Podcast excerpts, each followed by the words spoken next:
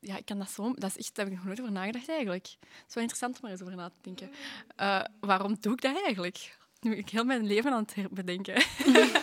oh nee, dat doet het kraakkwartier met je. Ja.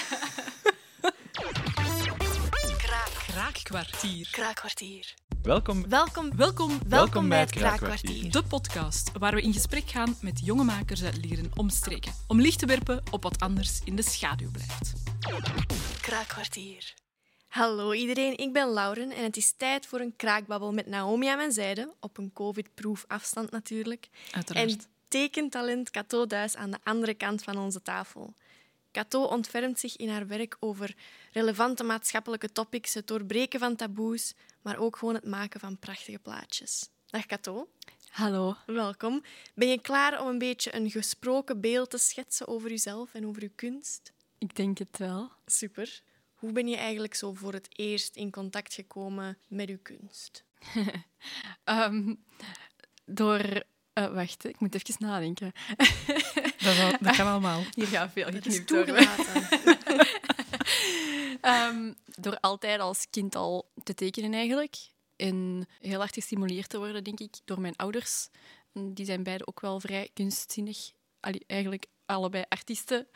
Uh, dus het minste potlood dat ik vastpakte, denk ik, werd ik ja, toegejuicht. Um, wat dat wel motiveert als kind. En, uh, ja, dus eigenlijk altijd al. al. Ja, ja, ik kan me niet herinneren wat dat ik zo'n beslissing heb gemaakt of zo. Was het dan ook al van kleins af aan eigenlijk uw droom om daar iets mee te gaan doen dan? Ja, ik heb als kind zei ik dat ik later, als ik groot ben, illustratrice van kinderboeken wou worden. Dat is nog niet gelukt. Maar het is nog steeds wel um, een droom. En als je werk zou moeten beschrijven aan de hand van een gerecht en Ah, een ja. bijvoeglijk naamwoord, weet je nog wat je had gezegd? Ik denk warrige lasagne of zoiets. Ja. Kan je dat eens toelichten misschien?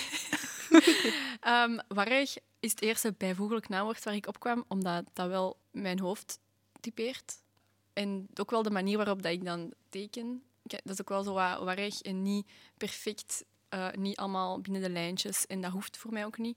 En ik, ik teken ook wel graag heel veel details, dus dat kan er ook wel snel zo wat slordig uitzien. Maar ik vind dat wel fijn. En lasagne is, eh, ja, ik lust echt heel graag lasagne. en ik eet dat meerdere keren per week, dus Lasagne fana. ja, ja zo kun je het noemen. En als je nu zo denkt, oké, ik ga een werk beginnen, hoe verloopt dat creatieproces dan? Het hangt ervan af eh, of dat ik het voor iemand doe, in opdracht, of voor mezelf. En als het voor iemand anders is, ja, je weet wat dat je moet doen. En dan begin ik met nadenken en dan al vrij snel met ook schetsen. En door dan te schetsen kom ik op ideeën. En dat werk ik dan uit. Als het voor mezelf is, kan dat echt zo heel snel gaan. En ik wil ook zo nooit te lang aan iets werken. Ik ben dat snel beu. Dus niks mag zo weken duren of zo. Als je zo werkt, voor jezelf of voor anderen, ongeacht, vind je dan vooral het creatieproces en daarmee bezig zijn het leukste? Of dan toch achteraf, eens het er staat en als je het kunt delen met anderen eigenlijk? Ik, wil, ik zou willen zeggen, het proces is het belangrijkste. Want dat is kei populair, eh, die gedachtegang nu in kunsteducatie en zo, en kunst. Maar ja, nee, ja, het eindresultaat doet me ook wel echt iets. Ook, allee, ik werk daar echt wel ook graag naartoe.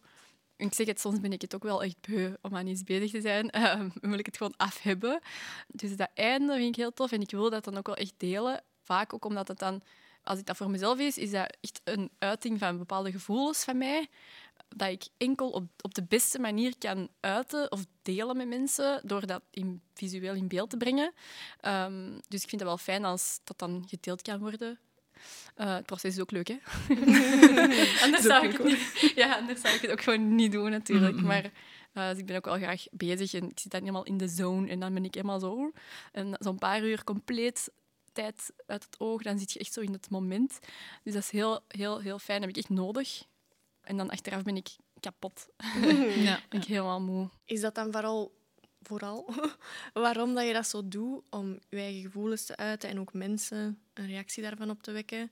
Of wat zou uw antwoord zijn als we vragen echt waarom? Waarom kies je voor illustreren? Ehm, ja, ik kan dat zo... Dat is echt, daar heb ik nog nooit over nagedacht, eigenlijk. Het is wel interessant om er eens over na te denken. Eh, waarom doe ik dat eigenlijk? Nu ben ik heel mijn leven aan het bedenken. Oh nee, Dat doet het kraakkwartier met je. Ehm, nee, ja, omdat dat dus de manier is waarop dat ik echt wel kan zeggen van dit voel ik eigenlijk echt. En zo voelt iets. En ook wel, nu de laatste tijd vooral, omdat ik ook wel reactie wil krijgen uit mensen door dat dan online te zetten, heb ik gemerkt uh, het laatste jaar dat ik wel wat emoties kan losmaken bij mensen op allemaal verschillende manieren. En dat is heel interessant. Ja, je hebt wel zo'n online platform. En wat voor onderwerpen of zo heb je bijvoorbeeld al aangeraakt met je werk? Of... Ja, zo wat van alles al. Hè. Zo feminisme, seksisme, um, seksualiteit. En ook, ik teken vrij veel genitaliën. um, wat dat voor veel mensen soms nogal zo right in the face is. Sommigen zijn dat al wat meer gewend om dat online te zien dan anderen. Mhm. En dat is heel interessant, want ik krijg heel veel goede reacties van hallo, grappig. Maar ook wel wat gechoqueerde reacties. Of wat zo uit de wal ging of zo. Hm. Of mensen die zo geen, niet reageren, maar als ik die dan na zoveel tijd, zo vrienden of kennissen, als ik die na zoveel tijd nog eens zie, en het gaat daar dan toevallig even over, dan zijn die zo, ah ja, ja je bent wel eh, speciaal bezig. Hè? En dan zie je zo... Nee, dus die, die durven dat ook zo echt niet te zeggen, maar dat vind ik super, super interessant, net ook die reacties. Ja. En dat is eigenlijk dan wat mij nog meer motiveert om er nog harder te- Ja, ja, ja. in door te gaan. Zo die grenzen wat aftasten. Ja, ja, dat, die Is taboes. er dan misschien zo een van die werken dat je denkt, daar ben ik wel het meeste trots op, omdat dat misschien het meeste reactie heeft uitgelokt? Of wat is zo je hoogtepunt al geweest? Mm, het is zo een jaar geleden ongeveer begonnen, tijdens de eerste lockdown, dat ik zo'n body positivity project had. Dat gebeurde ineens een beetje. Mhm. Omdat ik begonnen was met een tekening van mijn eigen, van een foto van mezelf in ondergoed, waar ik zo al mijn onzekerheden heel hard in liet zien. Of niet wegstopte, in ieder geval. En dat, dat echt online had gezet, met foto bij. En daaruit is dan heel dat project ontstaan, waardoor dat veel mensen mee wouden doen en ook foto's opstuurden en die dat ik dan heb getekend en al die reacties daaruit. Dus ja, dat heeft mij wel even een serieuze boost gegeven. Dus dat is wel tof, dat is wel een hoogtepunt, denk ik. Eigenlijk wil ik gewoon mensen even stoppen en laten nadenken over iets, over zichzelf of over een bepaald onderwerp. Even zo, wow, wacht. En dan, als dat al gebeurt, ben ik al kei content.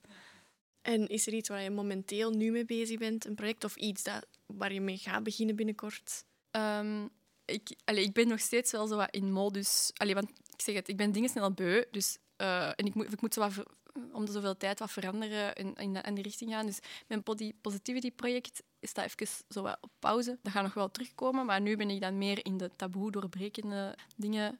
En, en ik ben ook veel bezig met vogels, dus ik combineer dat dan ook wel. Eh, en ik heb nu Hoezo bijvoorbeeld... vogels? Op welke manier? Ja, op alle manieren. Vogelen. vogelen in, in verschillende manieren. Wacht, ik had dus een vogel getekend, een, een kluut, dat is een vogel, en daar een, zo, een woordspeling mee gemaakt. En ik heb die in ballen gegeven. Allee, dus hoe noem je dat? Testicles. Hè? Mm. Ehm, en dan erbij als dingen kust mijn kluten. Dat is zo woordspellingsje. Ah, oké, woordspeling. En oh, ik ga hier even stoeven nu, mag dat? Tuurlijk, daar dient deze podcast Ja, voor. daarom hebben we u gevraagd. Ah, oké. Oh, ik vind dat wel... Oeh, dat is zo arrogant klinken, maar... ehm, ik ben nogal fan van Begin Le Bleu. Die heeft ook een podcast over vogels. Mhm. En ik luister daar even naar. En eh, ik volg op Instagram. En die was mij ook beginnen volgen een tijd geleden.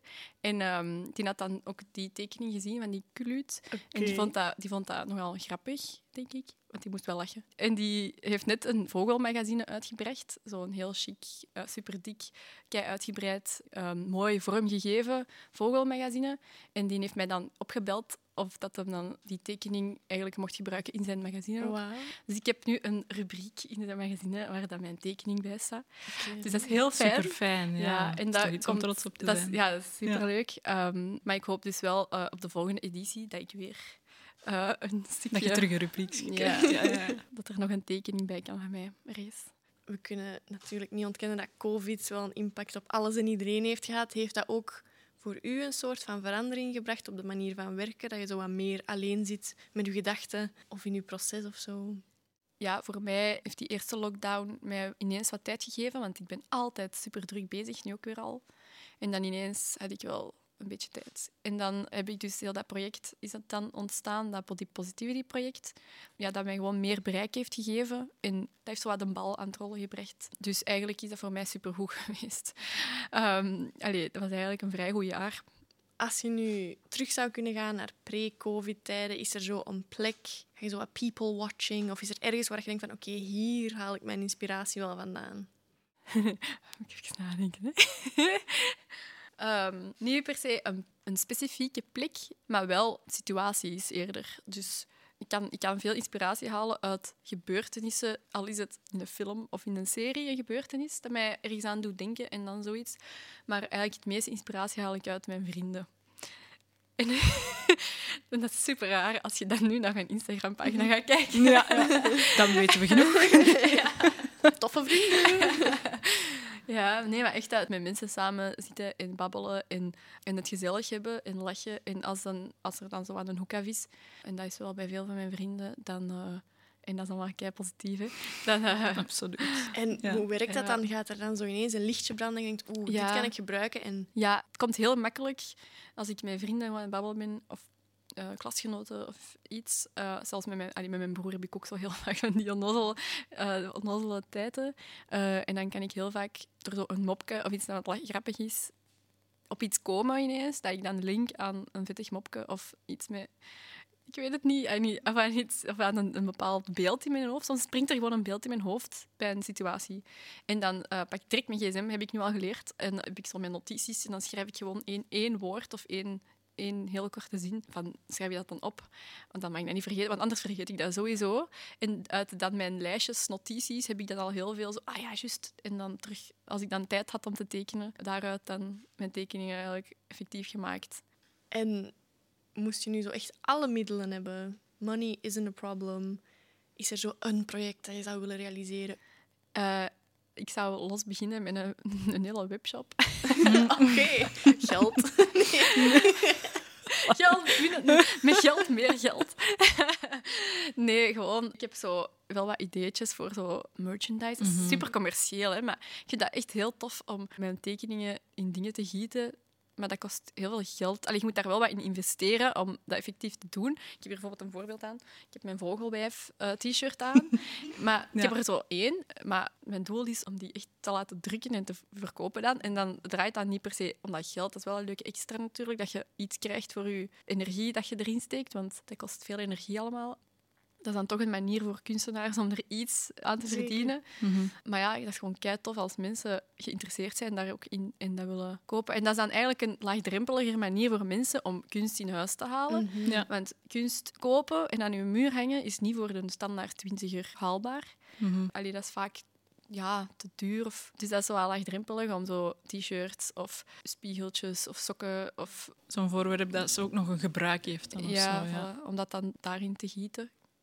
Heb jij nog een vraag? Anders kunnen we naar de... Ik denk dat we, dat we daar meteen kunnen induiken, inderdaad. Oké, dus als eerste honden- of kattenpersoon?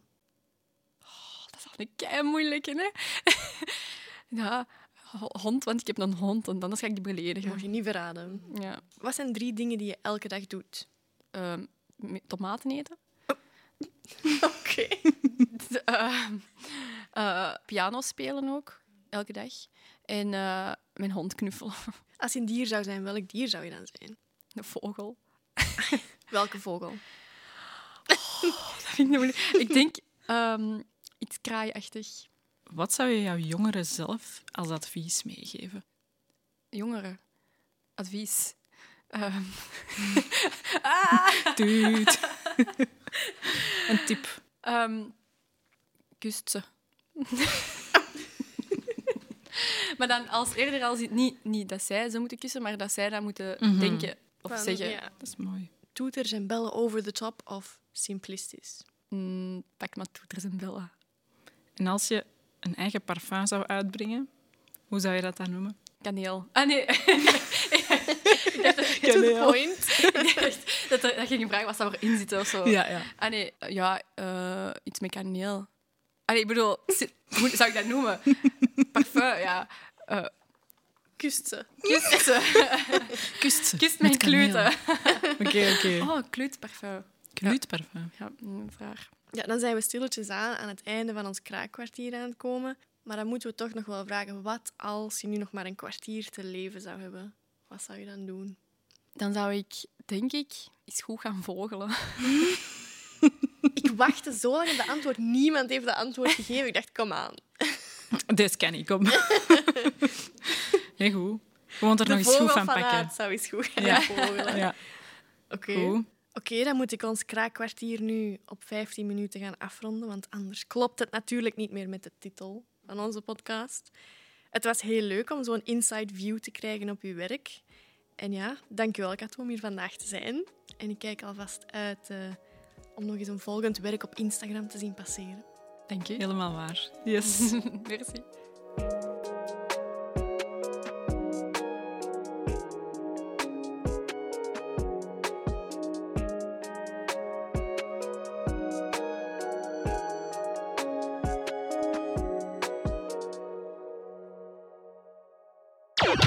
Kraakkwartier.